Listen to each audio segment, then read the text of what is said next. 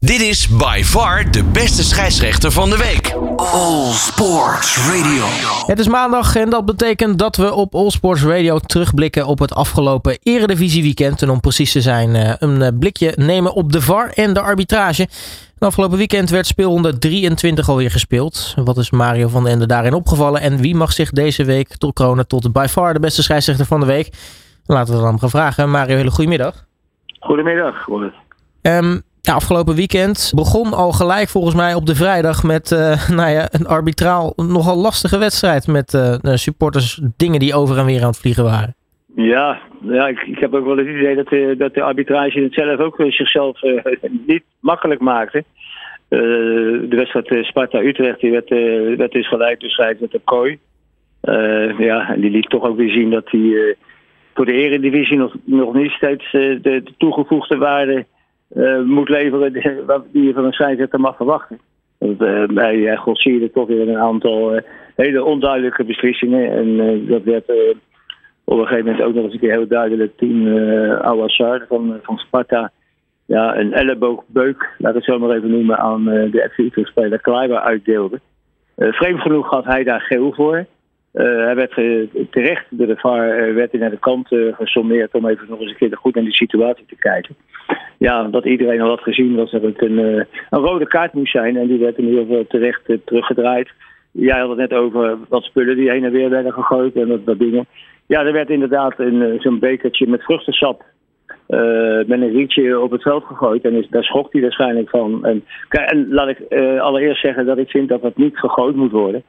Maar ik denk dat in dit geval, uh, als hij dat gewoon eventjes naar buiten had uh, neergelegd op bij de vierde official en gevraagd aan de, aan de stadionspeaker van dat dit één keer en, en, niet meer gebeurt en we gaan gelijk door. Maar nu moest de wedstrijd dus ook bijna nog een kwartier worden stilgelegd om, ja, om een statement te maken. Maar ik denk dat wat dat betreft de, een, een, keer een oproep van de stadionspeaker. En ik, ik, nogmaals, ik keur het absoluut af dat de dingen op het veld gegooid worden. Hier wel adequaat ja, hoe heet het, in ieder geval een oplossing had kunnen bieden. Gebeurde dat nou eigenlijk ook veel in jouw tijd, dat er uh, met spullen gegooid werden? Of is dat meer iets van de laatste jaren?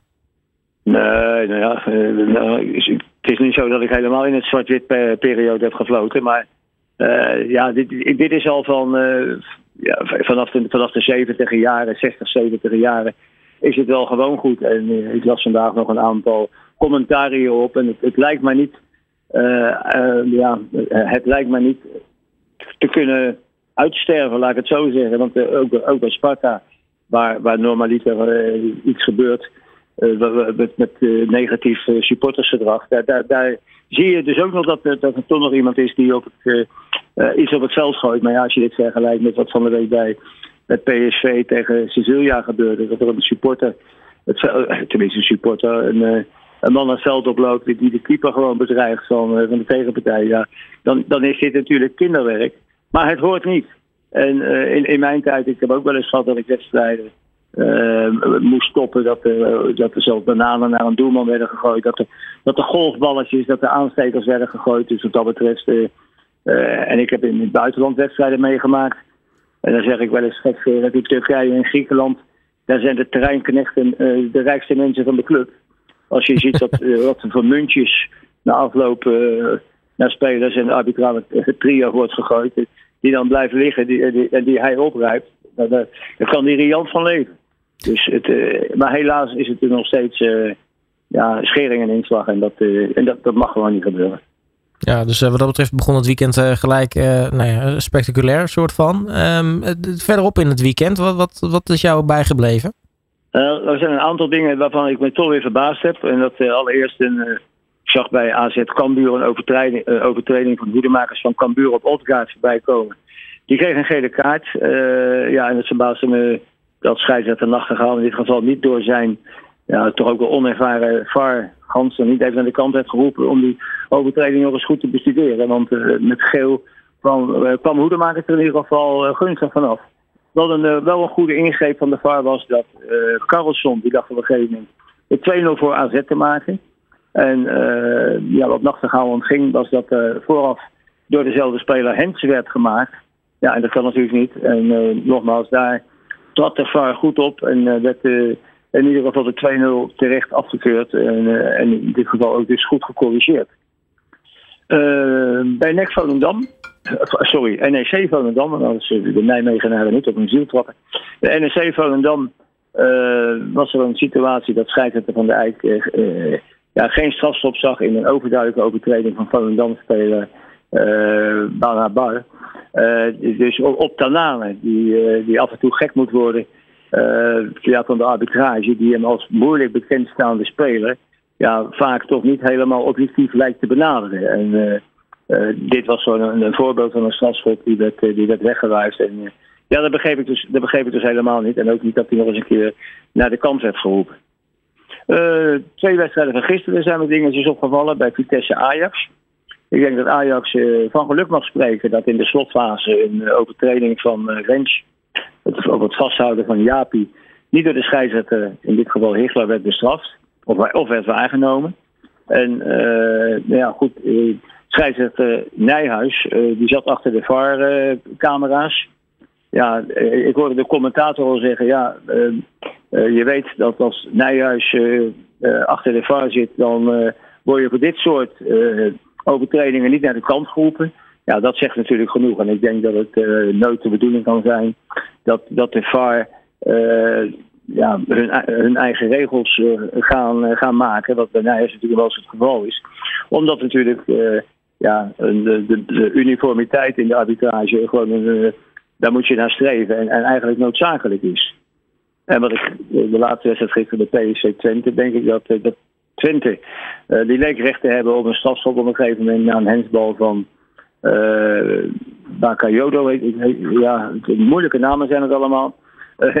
En, in het Eindhovense strafschopgebied. Het was niet van ver af, maar ja, in de spelregels staat nu eenmaal dat een speler zijn lichaam onnatuurlijk groter maakt. Hij het risico neemt, als, als hij met zijn handen dus niet langs zijn lichaam is, dat die, dat die bal wordt geraakt en dat het een strafschop is. Nou, Koesjebejoek, ik hoop niet dat het waar is dat, dat hij zo handelt, maar Koesjebejoek met strafschoppen en, uh, en, PSC, dat lijkt de laatste tijd niet de beste, beste combinatie. Maar het was in ieder geval uh, voor mij opmerkelijk en ik denk dat bij, bij veel uh, mensen achter de VAR toch even de scheidsrechter en zeker internationaal zie je dat. Dat heb je van de week ook bij, bij Ajax tegen Union Berlin gezien. Een, een, een, een, een hensbal van, uh, van de Ajax-verdediger uh, die dan op een gegeven moment dichtbij staat. Ja, eigenlijk niet zo kan doen, maar ja, het risico neemt omdat die hand eenmaal van het lichaam al is. Ja, dat die bal op de stip komt te liggen. En dat was in dit geval ook niet vreemd geweest als dat gisteren ook bij uh, PSC Twente was gebeurd. Dat waren een beetje wat in de wedstrijd opviel. Wat ik toch, wat, wat me heel erg uh, opviel vanmorgen, mm was dat ik, dat ik zag dat de, uh, de aanklager. Uh, hoe heet dat? Aanklager voetbal. Ja. ja, dat, dat hij een, een rode kaart. Dat, dat hij zich niet neerlegt bij, bij een rode kaart. en het seponeren van een rode kaart van de NEC-speler Sandler. In de bekerwedstrijd van, van Feyenoord tegen NEC. Weer NEC, sorry, van NEC.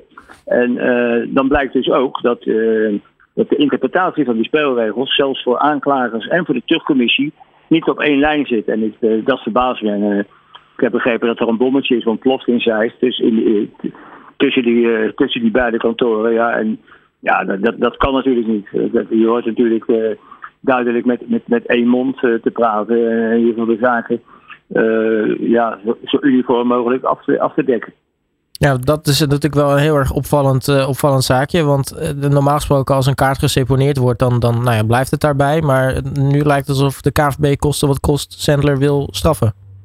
Nou ja, de KNVB, de, de, de, aanklager en de terugcommissie. Kijk, dat, dat, dat, is, dat hoort natuurlijk allebei onder de KNVB-vlag. Dus uh, ja, die zijn het duidelijk niet eens. En ja, het dat verbaast mij. Want kijk, en dan, dan heb je het weer uh, als je dus de spelregels op je eigen manier gaat interpreteren, ja, ja dat, dat, kan gewoon niet. Want dan zie je dus dat hier ook weer, uh, ja, dat zeg ik, dat interpretatie een, rol gaat spelen. En, en, ja, ik heb er zo vaak voor gepleit dat schrijven, dat, dat spelregels, dat, dat, het, dat, dat het voor scheidsrechters ja, zo uniform mogelijk niet toegepast. Want dan heb je als spelers, publiek, trainers, dan weet je in ieder geval waar je aan toe bent. En als zelfs de hoogste instanties die dus gaan over schorsingen, uh, het niet met elkaar eens blijven te zijn.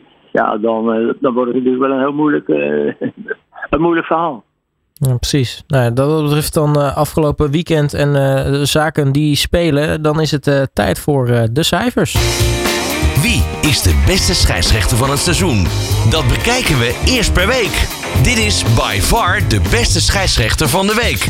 Met Mario van den Ende. Mario, als we de cijfers erbij pakken voor uh, deze editie van by far de beste scheidsrechter van de week. Uh, wie steken er dan bovenuit? Nou ja, de, de, de twee hoogste cijfers die uh, zijn toegekend aan, aan scheidsrechters Makkeli en Manschot. Makkeli die had een vrij eenvoudige wedstrijd bij, bij Groningen tegen tegen Excelsior. Maar ja, goed, uh, daar was hij geen soorstenner.